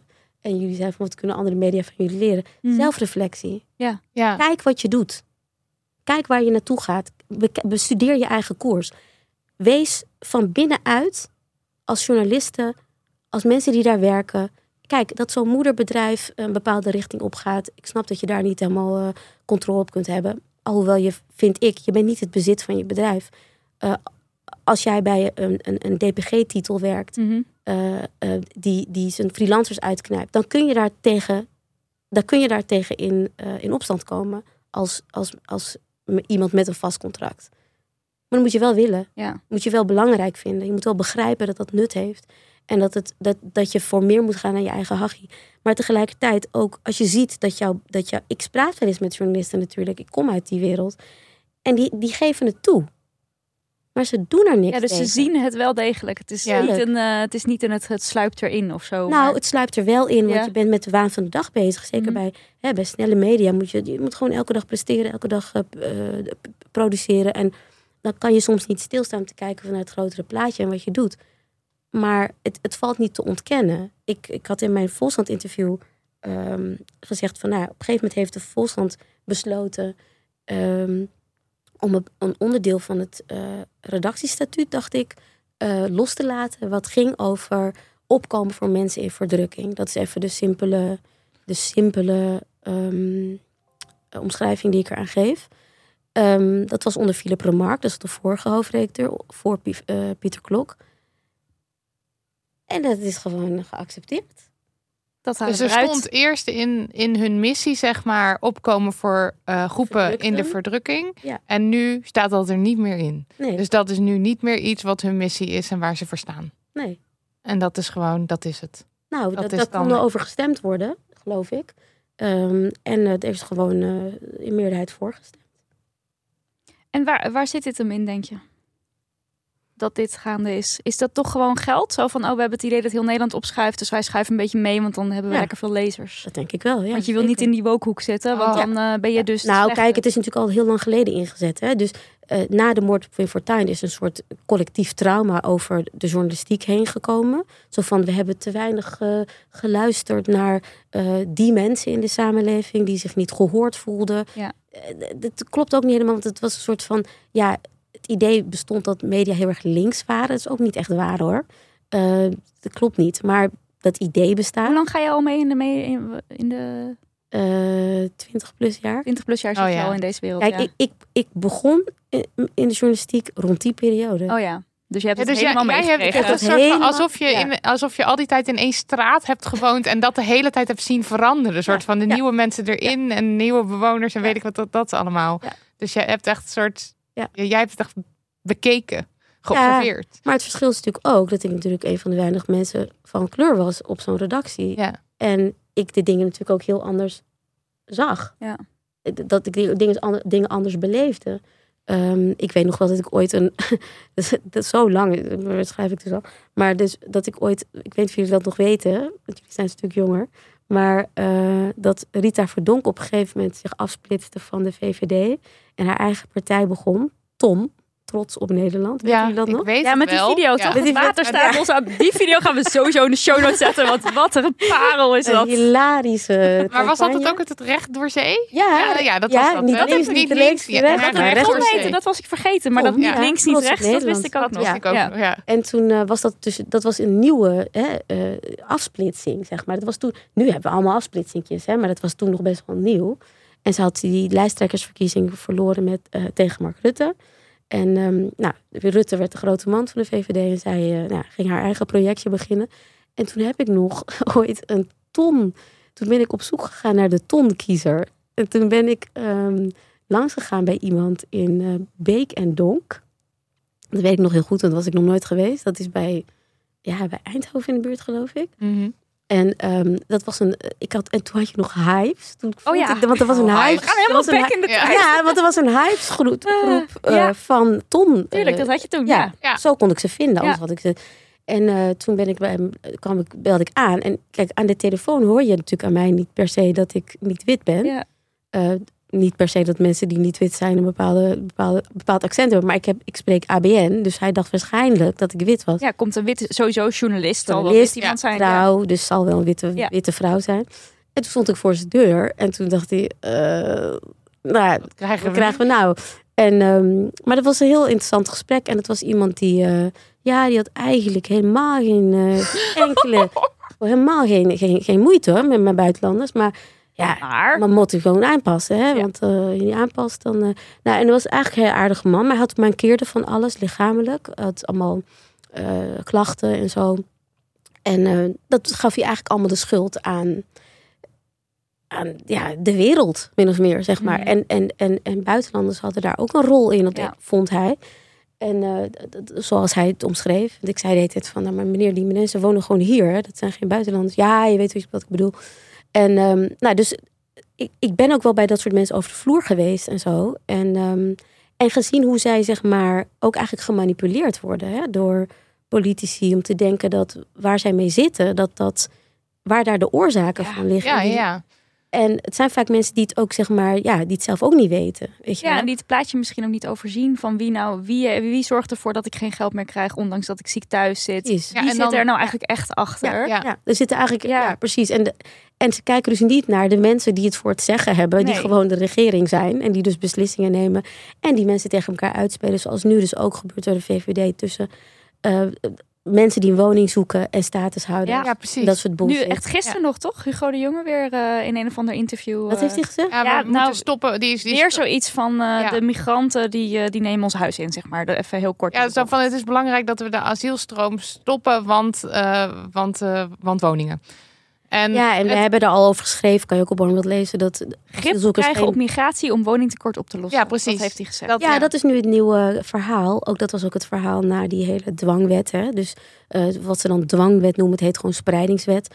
Eh dan was de deal eigenlijk, eigenlijk is de, de, de, het compromis dat eruit is gerold, is dat vervolgens eh eh gezinsherenigingen mogen worden tegengehouden. Dat is nu door de rechter gedwarsboomd. Daar gaat het kabinet weer eh, tegen in, eh, Ja. in beroep. En daar, willen ze, daar geven ze ook heel veel geld aan uit. Terwijl ze weten dat ze dat niet gaan winnen. Want dat was van tevoren al gedoemd te mislukken. Want Het is een schending van een verdrag, toch? Precies. Ja. Precies, dus dat mag gewoon niet. Nee. Punt. Ja. Ehm, nou, daar, daar, daar geven ze allemaal geld aan uit, wat ze ook kunnen uitgeven aan mensen die nu in nood zijn, bijvoorbeeld. Ja.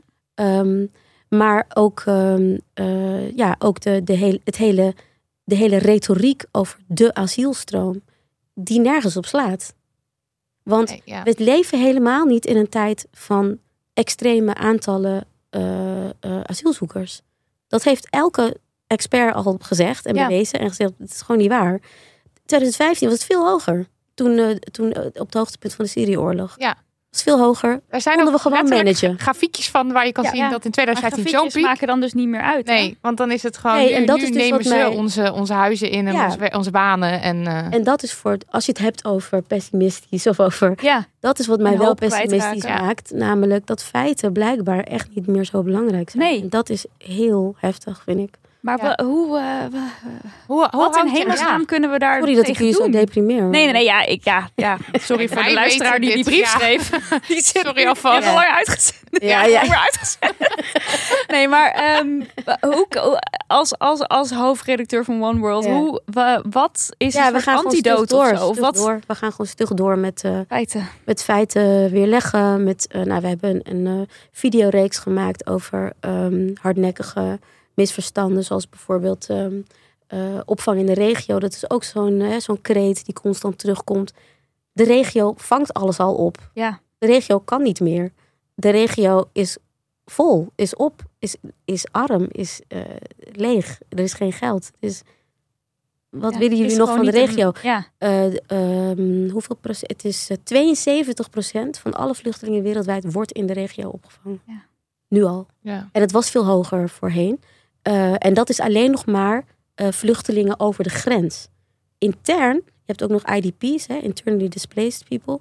Dat zijn mensen die intern ontheemd raken door bijvoorbeeld een, een, een, eh, een klimaatramp, door conflict. Vaak is het nou, een combinatie daarvan. Binnenkort krijgen we daar ook een mooie productie van, die we online met bewegende kaarten en zo gaan laten zien. Ehm, is nog veel meer. Dat is eh 86% of zoiets. Nog, nog veel Dat zijn meer. mensen die binnen, eh, het land waar ze wonen Ja, ergens anders Ja. moeten gaan wonen. Want de meeste mensen komen helemaal niet. Dat is ook zo'n idee, hè? Dat alles komt. We kunnen, het- zeggen, Alles we komt kunnen toch niet de hele op. wereld opvangen. Dat doen we ook totaal niet. Nee, Echt totaal niet. nee, Wat er in Europa belandt is echt een druppel. ja. Als mensen zouden weten hoeveel mensen er wereldwijd op de vlucht eh, zijn door conflict, klimaat of een combinatie daarvan, of het een heeft het ander aangejaagd, ehm, of eh, voedselonzekerheid of wat dan ook, zou je kapot schamen over wat er hier wordt, over Ja. hoeveel mensen er worden opgevangen in het rijke Europa. En sterker nog, dan heeft de, de, de fucking CDA en eh, hè, zogenaamd barmhartige christelijke Ja. partij, die heeft het over nog Europa nog, dicht, nog meer dicht timmeren. Europa is al ramdicht. ja. Er Daar kom je bijna open niet grenzen. Er zijn helemaal geen. Welke open grenzen? Ja. Europa is een fort. Ja. Nou ja, de grenzen zijn open elke dag voor dood? ons. Wij Ja, kunnen overal heen. Juist. juist. Maar, Maar andersom kunnen er maar, maar- weinig mensen in. ik vind gewoon het feit dat politici dat soort bullshit kunnen uitkramen. En maar dat dat blijven niet kunnen elke zeggen dag, ook. Ja, maar dat ook niet elke dag op worden weerspro, op worden, mm, dat dat niet elke dag door media wordt weerlegd. Kijk, je kan wel zeggen, die pipo van de CDA zegt dit, maar de waarheid is dit. Precies. Ja. Maar dat wordt er niet steeds consequent bijgezet, waardoor mensen ook altijd verkeerde informatie krijgen. Natuurlijk, als jij denkt dat alles de schuld van een ander is, ja, kan je daar lekker in hangen. Dan kun je- ja, inderdaad, die open grenzen. Zij kunnen lekker hierheen en dan wordt hun huis ge- gemeubileerd en dan krijgen ze nog geld toe ook. En, we- we- weet je, wel, dus Ja. het bestaat een heel raar idee over mensen die hier gewoon binnen kunnen wandelen. Ja, en alles krijgen. Terwijl elke dag mensen doodgaan. Ja. Elke dag nog. Op zee, in de Sahara. Door grenswachten worden neergeknald. Door weet ik veel wat. Het is echt een, het is een misdaad. Ja. Het is echt een misdaad wat Europa doet. En dat mensen die wij met z'n allen hun, hun salaris betalen om ons te vertegenwoordigen, leugens verkondigen. Elke dag weer. En dat niemand zegt, Wacht even. hou je bek is. Ja. Weet je wel? Ja. Ja. dat de mensen met die met hoorders met die microfoon om die om microfoons om die mensen heen drommen, niet gewoon zeggen: waarom lul je de hele dag onzin? Dat kunnen ze wel tegen een Gideon van Meijeren. Snap je wat Ja. ik bedoel? Ja, ja, Want dat ja, is ophef. Dat, Ja. is, dat is interessant. Dat leidt tot. Weet je, en dan lijkt het opeens alsof, alsof we wat doen als mediacollectief. Maar dat is helemaal niet zo. Weet je wel? Al die andere zogenaamd keurige partijen, die lopen de hele dag onzin te verkondigen. De hele dag leugens te verkondigen. Ten koste van mensen. En niemand die ze daar constant op aanspreekt. Nee. We lullen gewoon met ze mee. Ja, ik vind dat echt onacceptabel. Hoe, hoe hou- zeg maar, dit is een heel negatief verhaal. Nee, nee, dit is een kritisch Ja, verhaal. precies. Maar hoe houd jij een soort van hoop daarin. Of een soort van positief m- kracht om verder te gaan of zo. Want eh, ja, dat is... Ja, ik weet het niet. Want je blijft wel stug ik kan niet anders. Nee, ja, ja, precies. ik kan niet anders. Wat moet ik dan doen? Moet ik dan met hun meelullen? Nee. Nee, Nooit meer het niet. nieuws lezen en eh, Ja. volledig afsluiten van alles. Nou, ik lees dus ook niet zoveel nieuws. hè. Ja, vroeg ik me af, ben jij Ja. on top of the new? Nee, helemaal niet. Nou ja, ja, ik bedoel, maar ik ben geen nieuwsjunk, totaal Mm. niet. Mm. Nee, nee, nee, ik ben echt geen, eh, nooit geweest. Het is ook heel raar dat ik heel lang bij kranten heb gewerkt. Ik heb 15 jaar hard nieuws gedaan, terwijl ik eigenlijk helemaal niet van nieuws hou, eigenlijk. Ehm, Gewoon inge... inge maar ik heb het altijd, eh, al- ja, ik ben altijd wel een beetje van dingen naar je hand zetten, weet je wel. Ehm, van dit is het nieuws, maar dit is nieuw. Dit is nieuw, dit ga ik doen, zeg maar. Dus ik doe gewoon eigenlijk altijd wat anders. Ja. Dat heb ik altijd, dat heb ik denk ik ook altijd gedaan. En ik heb ook altijd wel, kijk, ik ben heel lang Afrika-directeur geweest. Nou, nobody gives a shit about Afrika, dus ja, kon gewoon mijn gang gaan eigenlijk. Ehm, niet dat ik onzin, maar Nee, ik ik, maar je kon wel zelf kiezen. Je kon je kon eigen zelf invalshoeken, je eigen Ja, onderwerpen. Ja, dus ik kon veel meer zeggen van ja, eh, het was niemand die zei van nou, we moeten nu een stuk over. Dat, dat nee. Nog steeds is dat echt... eh, ja, dit, ik bedoel, als je kijkt naar, gisteren zat ik het jaaroverzicht toevallig te kijken, omdat ik dacht, wat de fuck is ook allemaal gebeurd dit jaar? En ehm, toen dacht ik, jezus, er is niet één, eh, één ding over een Afrikaans land. Wordt dan genoemd. Nee, het ging heel even drie seconden over de overstroming in Pakistan. Mhm. Wat natuurlijk op zichzelf al vrij bizar is. Maar verder was het allemaal navelstaren. Het was allemaal Oekraïne. oeren, en zo. stikstof, Ja. Oekraïne. En dan vooral ook wat wij allemaal voor Oekraïne gedaan hebben. Oh ja. Ja, ja, ja. ja. En, eh, en het ging over de boeren. Het ging over eh, eh, The Voice. eh, Oh ja. Over... Dat ehm, was ook dit jaar. dus ook dit jaar... Ja, ehm, ja, wat is er allemaal... Het was heel Maar niet veel de verontschuldigingen over het... Jawel, ook wel op het. Ik heb niet helemaal afgekeken. Op moment ging ook over Indonesië, maar dat was ook heel kort hoor. Ehm, ja, en dat, die, de, die bedoelt excuses voor het Ja. Ja, het zal, het zal het wel kort over gegaan zijn. Maar ook dat vond ik allemaal zeer onbevredigende verslagen, eh, berichtgeving afgelopen tijd. Er was niemand die ging uitzoeken wat de fuck er met die 19 december was. Waarom 19 december? Wat is er die dag? Ik denk dan, ik, mijn, mijn wantrouwende inborst, ik denk dan van, Dat betekent iets. dat is iets juridisch. Ja, ja, ja, ja. We gaan het nog eventjes... eh, Het moet, het ja. moet waarschijnlijk dan nog in 2022 of zo. Zoiets. Ja, Iets. Zo van dat het dan verjaart of whatever. Ja. Ja, ik denk dan meteen van dat moet een onderzoek op, op losgelaten En is dat worden. dan iets wat, wat je bijvoorbeeld met One World zou doen? Wat je dan zou aanzwengelen volgend jaar of zo? Of niet? Nee, nee, we zijn, d- d- daarvoor, nou, dat kan, kan. Maar eh wij gaan volgend jaar wel veel meer aan onderzoeksjournalistiek doen. Ehm, maar eh, wat ik veel interessanter vind eigenlijk is... ehm, kijk, ik vind die excuses... Kijk, ik, het is niet mijn geschiedenis. Hè. Ik kom niet uit eh, de koloniën.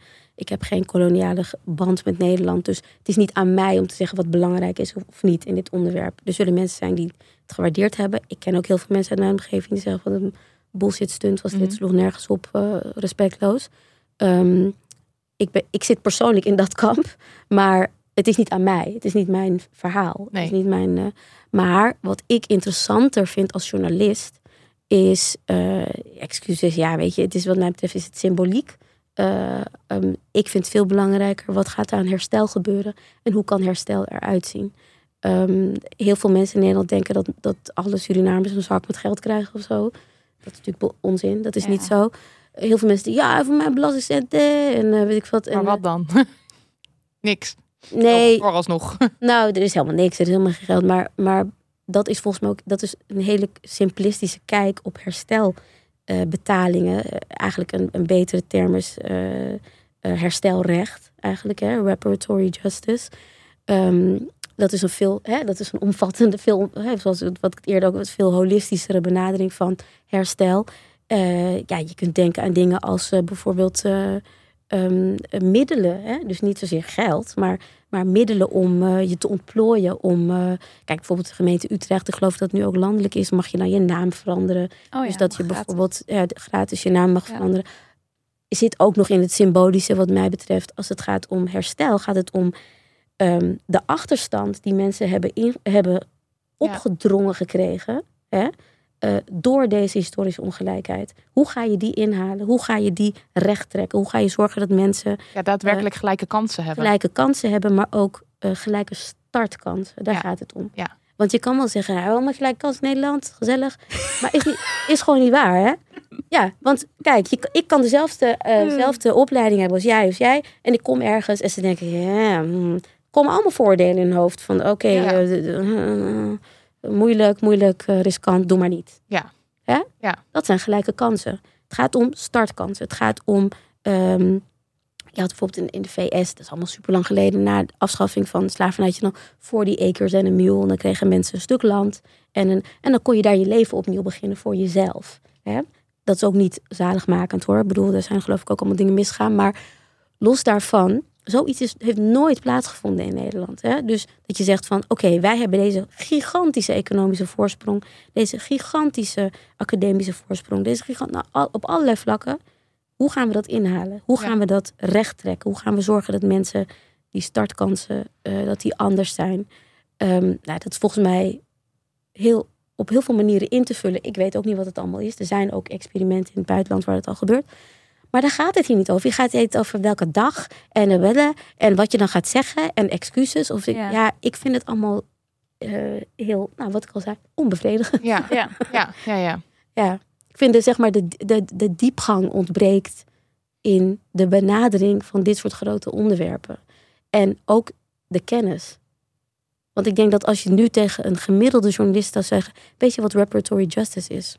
Geen idee. Ja. Nee. Nee, weet ik niet. Nooit in verdiept. Zullen er een paar zijn. Maar de meeste ze blijven gewoon hangen bij excuses. Ja. Gaat Rutte het wel of niet zeggen? En welke dag? Nou, daar zijn we weken mee dood, doodgegooid. Ja, ik vind het een beetje een bijzaak. Een soort ruis eigenlijk van Ja, waar het veel echt ruis. om gaat. Veel ruis. Ja. En dat probeer ik zeg maar met Warmth wel weg te nemen. Die ruis. Dus de, de, de, de, het gedoe eromheen. Weet je, terug naar de kern Ja. van wat is nou belangrijk om het over te hebben. Ja. Zodat we in de richting die rechtvaardigheid kunnen. En dat geldt niet alleen voor de excuses natuurlijk, maar dat gaat over alles. Alles. Ja, Het gaat over seksisme, het gaat over racisme, het gaat over, over eh, klimaatcrisis. Ja. Ehm, en dus ook als je het hebt over de, de, de shite met de boeren, zeg maar. Waar, wat is, waar, waar leidt het allemaal op terug? Hoe, hoe zijn we hier gekomen op Ja. dit punt? Ja. Eh, en, Ja. en, en wat gaan we er dan aan doen in plaats van nu dit, deze impasse of zo waar je Ja. dan bent? Dat wil natuurlijk niet zeggen dat het allemaal ruk is. Hè? Ik bedoel, er zijn ook echt wel eh, goede titels die, die daar wel hè, tot de kern proberen te komen. De laatste jaren hebben we over positiviteit gesproken. we hebben natuurlijk veel nieuwe titels erbij gekregen, zoals Follow the Money. Ja. Ehm, onafhankelijke titels, hè? Ja. Ehm, eh, jullie bestaan. Eh, eh, ehm, eh, je, je hebt kle- veel kleinere titels. Lilith Mac. Lilith Mac, je hebt Alien Mac. Er Ja, zijn Ja, allemaal eh, eh, vrouweninitiatieven die, die, eh, die gaande zijn. Ehm, en die, eh, die, dingen, die dingen doen. Maar het punt is wel dat het is, so- het is soms wel vechten tegen de bierkaai. Omdat je natuurlijk qua impact Tuurlijk. nooit dat, dat kan bereiken wat, wat, eh, wat een, een titel die... ehm, Ja, gewoon gevestigd is. eh, ja, en die ja, ook een bereik heeft van, Ja. van, van eh, miljoenen. ja. Ja, of Miljoenen? Telegraaf. ja. eh, ja, grootste krant van Nederland, toch? Nog steeds geloof ik. Ja, wel, volgens mij het wel. Is Ja. het AD inmiddels? eh, Ja? met al die Ja, kan met al die... Ja, precies. Oké. ehm, laten we even naar persoonlijk vlak gaan. Als je het leuk vindt. Is er iets waar je trots op bent, 2022? Dat je denkt, nou, I did that. Ik ga even het raam ondertussen dicht doen. Ja, Doe het maar. wordt wel een beetje koud in. Ehm, waar ik trots op ben. Nou, ik ben trots op, ehm, op de magazines die wij gemaakt hebben dit jaar. Ik denk dat we steeds meer. eh, maar dat is werk, hè? Dat is niet privé. Maar Mag, Mag. ook. Want Mag soms ook. loopt werk en privé ook gewoon helemaal door elkaar ja, heen. het loopt wel een beetje door elkaar heen bij mij. Eh, nou, over dat- dat wij het steeds meer onze, onze draai aan het vinden zijn. Ook eh, ehm, inhoudelijk, maar ook artistiek. Dus dat we, ik ben echt blij met hoe wij eruit zien. Dat we steeds, ik ben echt wel trots op, ehm, ja, op wat we, ook op wat we visueel maken. En ook met de mensen met wie we werken. Ehm, eh, hele getalenteerde jonge mensen die eh, ja, niet overal een podium krijgen, maar eh, hartstikke schitteren bij ons. Fotografen, illustratoren. ehm, eh, ik, ben, ik ben trots op dat we mensen soms hun eerste podium kunnen geven. En, ehm, eh, en dat het nog mooi wordt ook. Ik ben trots op dat we meer met video's aan gaan doen dit jaar. En ja, dat dat lukt. Ja. Ehm, eh, ik wil, we willen ook meer die kant op. Ook omdat ja, hoe, het, hoe je het ook bent of verkeerd, de ontlezing is een probleem. Ja. Ja. Het is een issue en ehm, ja, eh, daar kan ik wel heel hard tegen zijn, maar het is nou helemaal wat het is. Het is er En je wilt toch, ja, Ja. je wilt toch bepaalde mensen ook niet, niet missen eh, en die, en die informatie delen. Ehm, op persoonlijk vlak ehm, heb ik veel meer nee leren zeggen.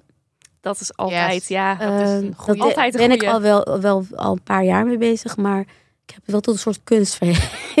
Heel goed. Ehm, dus eh, ja, meer tijd voor mezelf, ehm, waar het kon. Me niet eh, schuldig voelen over niet werken. En eh, me ook meer gaan gedragen als ondernemer. Dat was heel moeilijk voor mij, want ik was natuurlijk twintig jaar lang in dienst. Ja. En opeens ben je van jezelf. Dit is misschien niet helemaal helder, maar ehm, John en ik hebben onszelf niet in dienst genomen. We, hebben, wij zijn freelancer geworden en ons personeel in dienst genomen. Dus wij doen het eigenlijk andersom. Ja. Veel Oh. anderen. Dus ik ben eigenlijk een freelance hoofdredacteur.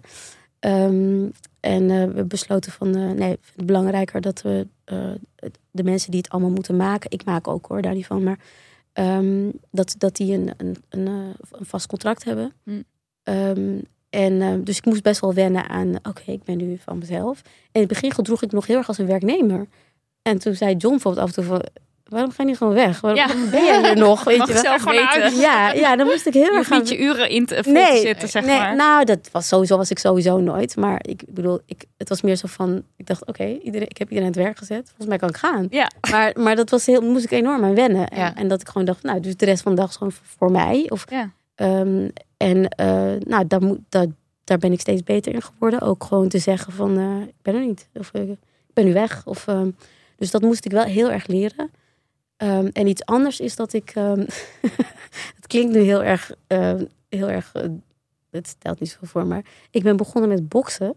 Ah, leuk. Ja. Leuk. Ja, nou, ik ben eigenlijk, nee, het is eigenlijk, ik ben niet bewust begonnen met boksen, maar ik ben begonnen met een personal trainer en die bleek te boksen. En toen dacht Dat jij, Toen wist ik, dat wist ik niet. Zei hij, ja, nu je bokshand. Toen dacht ik, huh, wat? Gaan we boksen? Ja, en ehm nou, dat blijkt eigenlijk heel leuk te vinden. En ook als uitlaatklep of, eh, of echt als, als- meer als sport en... eh, Nou, het was wel echt bedoeld om mezelf meer in beweging te krijgen. Want ik bewoog echt veel te weinig.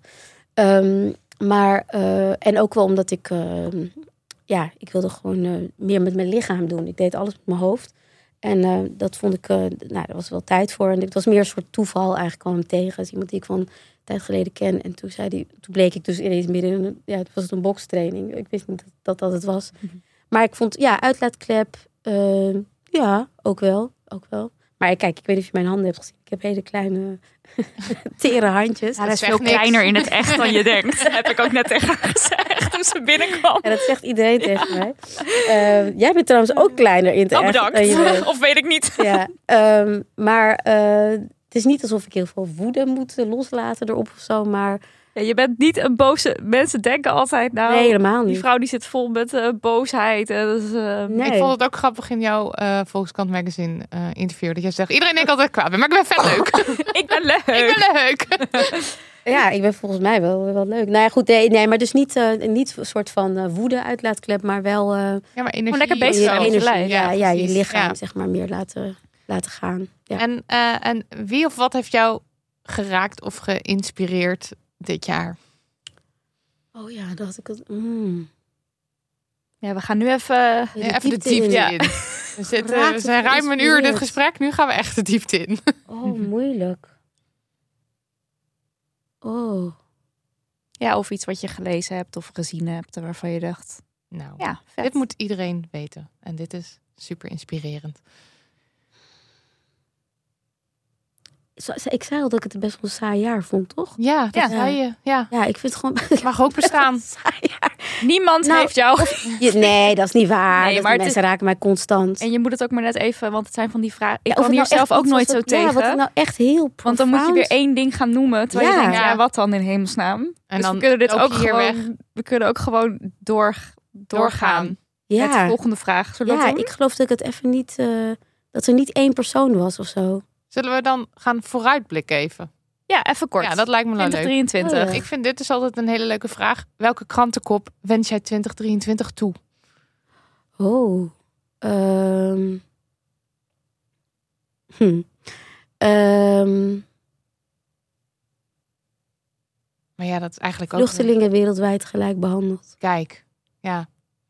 Even terugblikkend op 2022 en Ja. hoe we met Oekraïners om zijn gegaan. En hoe we met andere vluchtelingen zijn omgegaan. We weten Dus- dat we het kunnen. Ja. Als in het is in Nederland eh, Ja. laten zien hoe je kan reageren Wij op mensen die moeten vluchten. 86.000 Oekraïners opnemen. Geen probleem. Nee. En het was allemaal Een centje pijn. precies. Niks aan de hand. Dus dat kan. Het kan inderdaad. Maar we willen het niet. En ik vind dat eh, echt... In dat jaaroverzicht wat ik gisteren kwam, dat ook niet voorbij hoor. Nee. Over de ongelijke behandeling. Daar hebben wij natuurlijk ook wel veel over Nee, maar dat vonden mensen ook moeilijk als je dat benoemde. Hè? Want dan ging je het ook, meer, ging je het ook meteen weer negatief, maken. Ja. Ja. Doe jij goede voornemens? Nee. Of iets van eh, ja, vooruitblikken of zo? Of is dat niet iets... eh, zie, jij, zie jij dit eigenlijk als een soort overgang van weer een nieuwe... Of is dat helemaal niet Het is gewoon het leven. Het is gewoon het leven. Het Ja. wordt gewoon maandag weer. Dus? Ja, gewoon maandag. Ja, ik weet niet. Ik ben niet zo van de goede voornemens. Misschien moet ik dat wel doen, maar. ehm, ja, dingen overkomen mij altijd een beetje. Opeens ben je hoofdredacteur. Ja. Ja, nee, echt. Opeens ben je Ja, Opeens zit je hier ook. Ja, ja, Nee. ja. Nee, zo, zo is het wel. Ja. Dus, ik hou ook niet zo van goede voornemens. Maar, soms denk ik wel eens, ik moet wel iets meer de regie nemen. Ik neem Het de regie wel- op het moment, zeg maar, maar niet vooruit. Ik het, kan wel leuk zijn, vind ik zelf, om, om over het jaar na te denken van... oké, er komt weer een nieuw jaar aan. Of je dat nou nu doet of in september of whatever Ja, je dat ja. dan doet. Na je vakantie, whatever. Maar zo van, wat voor leuke dingen. Niet, niet, ik hou helemaal niet van Oh, de... ja. En ik ga nu weer, ik moet nu afvallen en sporten... en zeg maar wat mensen klassiek aan denken Ja, bij ja. goede voornemens. Maar meer Oh, van, oh, zeker. ik zou het eigenlijk wel vet vinden om eens een keer... Nou, zeg maar wat. Uit een vliegtuig te springen. Of uit een vliegtuig Ja. te springen. Nee, om, dat lijkt mij helemaal niet leuk. Nee, nou duidelijk. Ja, maar nee, ik zou wel. Nee, ja, ehm, ik, ik denk wel dat ik meer, eh, nog meer ehm, eh, tijd voor leuke dingen, eh, dat deed ik al wel, maar eh, wil in, ehm, eh, inruimen. Ja. Ja, echt, echt zo van ja. tijd voor leuke Ja. dingen maken. En ook, if- ik wil misschien toch ook kijken of ik, ehm, of ik weer even naar het buitenland kan, een tijdje. voor wat langer. Om wat langer daar te zijn. En heb je ook al een idee waar je dan heen zou willen? Nog niet echt. Nou, dat lijkt me een heel leuk iets om over na te gaan denken. Ja. Ik vind het grappig dat jij zegt dingen overkomen mij altijd een beetje, want ik denk ik heb dat ook Voelt voor heel ons ook erg. heel Het erg voelt zo. voor ons heel erg van ja je je je ehm Ik beland ergens. je belandt Ja, ergens in je het theater, er wel mee. en opeens sta Wat je daar. natuurlijk heel leuk kan zijn ook, want eh, je staat ook open voor dingen en je fixt het wel of zo. Maar ik heb wel, en dat heb ik al een paar jaar, dat ik denk, ja, het is allemaal leuk en aardig die, eh, die, die mentaliteit. Maar eh, ik heb ook vaak het gevoel dat ik een beetje achter de feiten aanloop of zo. Dus wat dus altijd wel helpt, is, een is ergens een moment in het jaar inruimen. En ik doe dat dus ook wel graag aan het begin. Om inderdaad eventjes een soort van... Nou, dit jaar zou het leuk zijn als het een beetje in het teken staat van dit. En ik had het afgelopen jaar heb ik, eh, eh, had ik voorgenomen mijn rijbewijs te halen. Nou, ik Oh heb ja, hem nog niet gehaald, maar ik zit Moet er tegenaan. Nou, Maar dat was dus... Dat wil ik. 2020. Kijk, hey. Ja. Maar dat is dus... Het dat is zeg ik dus- eigenlijk elk jaar. het is wel echt een heel fijn, want ik ben dus ook aan het begin van het jaar begonnen met weer mijn rijlessen nemen, weer alles aanzwengelen. En dat maakt het, ik weet, het is Het, nieuw, het is wel een nieuw begin. ja, Maar- eventjes een soort frisse wind of zo. Waar- En dan niet per se super rigide, maar wel iets, iets meer, ja, Ja. gewoon iets meer Wat wil ik zelf eigenlijk? duiding, ja, of Ja. zo. Wat wil ik zelf ergens, waar wil ik nou? Want anders dan, voor ik het weet, is het weer een jaar voorbij, heb ik weer mijn rijbewijs niet. Eh, en, en dat gebeurde al vijf jaar lang. Ja, ja, ja. En dan, ja, dus dan vind ik het wel leuk. Ja, nee, dat is wel waar. Rijbewijs stond ook op mijn lijstje, was ik vergeten. Doen we dat Ehm, 2023? Ik kan Meteen bellen naar die rijschool. Ja, Ja, Dan kan je er ook niet meer onder. ik had het dus wel gedaan, hè, maar het staat helemaal vol. Want door, Oh. door corona hebben we allemaal, Oh, allemaal eh, Iedereen dacht, wachtrijen. ik ga nu rijlessen. Ja, want heel veel lang kon het niet natuurlijk. Ja. Dus zij zitten allemaal best wel vol. Maar misschien dat het voor volgend jaar weer kan. Ja. Oké, allerlaatste vraag. Mhm. Weer zo'n grote. Wat wil je onze luisteraars meegeven voor 2023? Behalve dat ze allemaal een abonnement op de One World moeten nemen. De- ja, want dat geven wij al mee. Ja, dat gaan wij ze nog wel even ja, meegeven. vind ik heel goed advies. Ehm, jeetje, wat wil ik ze meegeven? Ehm, niet, niet, wees niet bang voor, eh, voor kritische mensen. En zet ze niet weg. En, ehm, en voor dingen die ongemakkelijk klinken of aanvoelen voor jezelf. Want heel vaak gaat het niet over jou. Nee. Het gaat, nou, dat vind ik, denk ik meer, het gaat niet over jou. Ja, Nee, het gaat heel vaak namelijk echt niet over jou. En mensen denken al snel, het is een aanval op mij. Of Ja. wat ik nu zeg of doe. Terwijl het- trek jezelf los Ja. van, van eh, wat er, ehm, van de kritiek die je hoort. Ehm, en, of, of die je ziet. En ehm, ja, en wees, durf, durf een beetje dapper te zijn en, eh, en eh, dingen te bevragen, at least, weet je wel. En niet, je hoeft niet met hem te barricaden of ik veel wat allemaal. Maar ehm, we hebben wel meer kritische Ja. mensen nodig. En kritisch is niet negatief. En het is ook niet zo als je, dat, je dat je meteen wat mee moet met, die, met Nee. kritiek of zo. Nee. Want luisteren ernaar is ook al eigenlijk iets. Ja. Even bezinken, heel- niet meteen ja, in de tegen. Nou, wat je nu dus heel erg hoort, is het dus een soort terugkerend ding, is van, ja, ehm, je hoort alleen maar de extreme en het, het zwijgende midden, a.k.a. het redelijke midden, ehm, die hoor je niet. En die mensen, die zijn eigenlijk waar we op moeten bouwen. Nou, daar ben ik het echt niet mee eens. Want dat zijn de mensen die passief zijn. Ja, die het in stand houden. Ja. Die alles in stand Ja, houden. En die willen die dat niks wegkijken. die wegkijken, die niet willen dat dingen veranderen, die verandering eng vinden. En, eh, en iedereen vindt verandering eng, hè? eventjes voor de, voor de duidelijkheid. Het is niet alsof mensen die wel hun mond open doen, die verandering, die- dat voor hun niet ook ongewis is. Hè? Maar ik denk dat wat, ehm, ja, wat ik zou willen, is minder van het gezapige eh, gelul de hele tijd over het midden. Dat ze, dat ze allemaal zo geprezen zou worden. En meer waardering voor mensen die hun nek durven uit te steken. En dat, en dat niet gelijk nek durven uitsteken voor rechtvaardigheid. Dus niet mensen die hun nek durven uitsteken om vervolgens te zeggen dat de wereld wordt geregeerd door reptielen. Dat is wat anders. Ja. Ja. Dat is niet Mogen duidelijk zijn, maar Verkeerde nek. het nog even verkeerde zeggen. nek. Ja, maar omdat het heel Ja. vaak gelijk Ja, ja, wordt ja, getrokken. ja. Alsof Ja. van de extremen, Ja. ter linker en rechterzijde. Sorry, maar dat zijn echt niet dezelfde. Nee, eh, dat zijn niet dezelfde. ehm, idealen of Idealen. mensen. Of, nee. Nee, dus eh, daar ook gewoon iets meer, iets meer bewustzijn over. En eh, waardering voor die mensen. Want heel veel, wat mensen vergeten is dat heel veel van de dingen, heel veel van de, van de waarden en de, de, de verworvenheden waar we nu, die we nu zo gewoon vinden, zijn, Precies. zijn bevochten door mensen die toen ja. ook, eh, ik wil het woord niet gebruiken, maar die ook eh, voor waanzinnigen werden verklaard. Ja, die Ja, werden ook ook weggezet verketterd als... werden. eh, en weggezet. het is toch allemaal goed zo? En het is toch zo hoort het gewoon? Ja, en dan zit je nu lekker in je redelijke midden Ja. te hangen met je, met je eh, stemrecht en je weet ik wat. Dat is, ge- dat, is ge- gebe- dat is dat kan omdat er mensen waren die bereid waren om verketterd te Ja, worden. juist door die extremen, Ja, blijkbaar, eh, zitten we nu in een wereld waarin we juist wel veel rechten hebben. Of tenminste, waarin, veel, waarin mensen, ja, waarin wij veel recht, meer rechten hebben dan vroeger. ja. En dat ze dat dus niet voor zichzelf, dat die mensen dat niet per se voor zichzelf doen, Nee, maar dat ze dat doen omdat ze hopen dat er iets beters uit voortkomt. ja. Ja.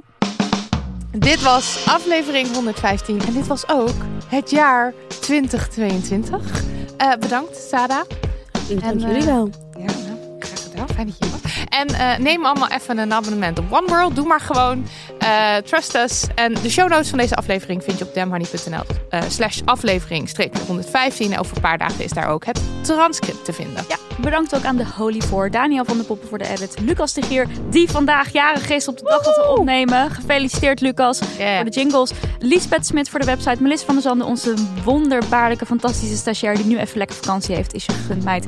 En bedankt Amber Script voor het chiller maken van de eh, transcripten. Ja, en veel dank ook aan de menselijke transcripters. Marleen, Marlou, Marloes, Elise, FQ, Shura, Melissa, Barbara, Fenna en Joan. Stuur post naar info.demony.nl. Eh geef ons eh, je kritiek. Geef ons je mailtjes dat je, dat je vindt dat we, ons, dat we te negatief zijn. Want eh, we lezen het gewoon graag. En, eh, En we reflecteren er graag op. Ja, ook. precies. Want Ja. ik denk ook soms kunnen we misschien ook wel eventjes, eh, weet je, het mag ook soms misschien wat lichter. It's oké. Stuur het vooral. We zijn niet boos. Eh, en geef ons, of we zijn soms wel boos, maar dat mag ook gewoon. En geef ons geld via petjeaf.com slash damnhoney. Ja, of doe het allemaal niet. Wacht, even Ja? nog leuk. Ehm, als je geld geeft, krijg je dus bonusafleveringen. En ik denk dat we daarin dan eventjes gaan kijken wat Marilotte en wij ik voor komend jaar... En eh, eigen reflectie ja. en vooruit. Doen we even van wat willen wij nou eigenlijk in 2023? Eh, jij had vorig jaar je, je rijbewijs. Wat wil je dan komend jaar? Leuk. Ja. Of luister niet en geef geen geld. En fijn, weet je. allemaal maar. Zelf Hey, weten. Even, hè, rest ons niets anders dan jullie een Happy New Year te wensen. Happy New Year. Happy New Year. See you on the other side. Gaan we dan in 2023 eindelijk het patriarchaat lopen? Ja, dit is een vraag aan jou. eh. Sarah. Echt heel verontrust. Zo van, moet ik dat Ik dacht, gaan dat, ik, ik dacht dat we daar al lang mee bezig waren. Ja, maar gaat het lukken om het eh, te Gaat het slopen? de laatste steen Het gesloopt gaat worden? Nou, niet lukken, Het gaat maar niet we doen lukken, ons best. maar we Ja. doen ons best. Moedig voorwaarts. En ehm, ja, weet je, en verder moet lekker iedereen ook gewoon, want dat is ook het uh, patriarchaat slopen, denk ik. Gewoon lekker doen wat je wil. Ja. Yes! Precies. Precies, zelf weten. Zelf weten. Zelf weten. Doei. Doei. Nog even over die grootse en epische muziektheatervoorstelling. Het achtste leven voor Brilka is een marathonvoorstelling van 5 uur. Koop je tickets voor deze bijzondere theateravond via oostpol.nl.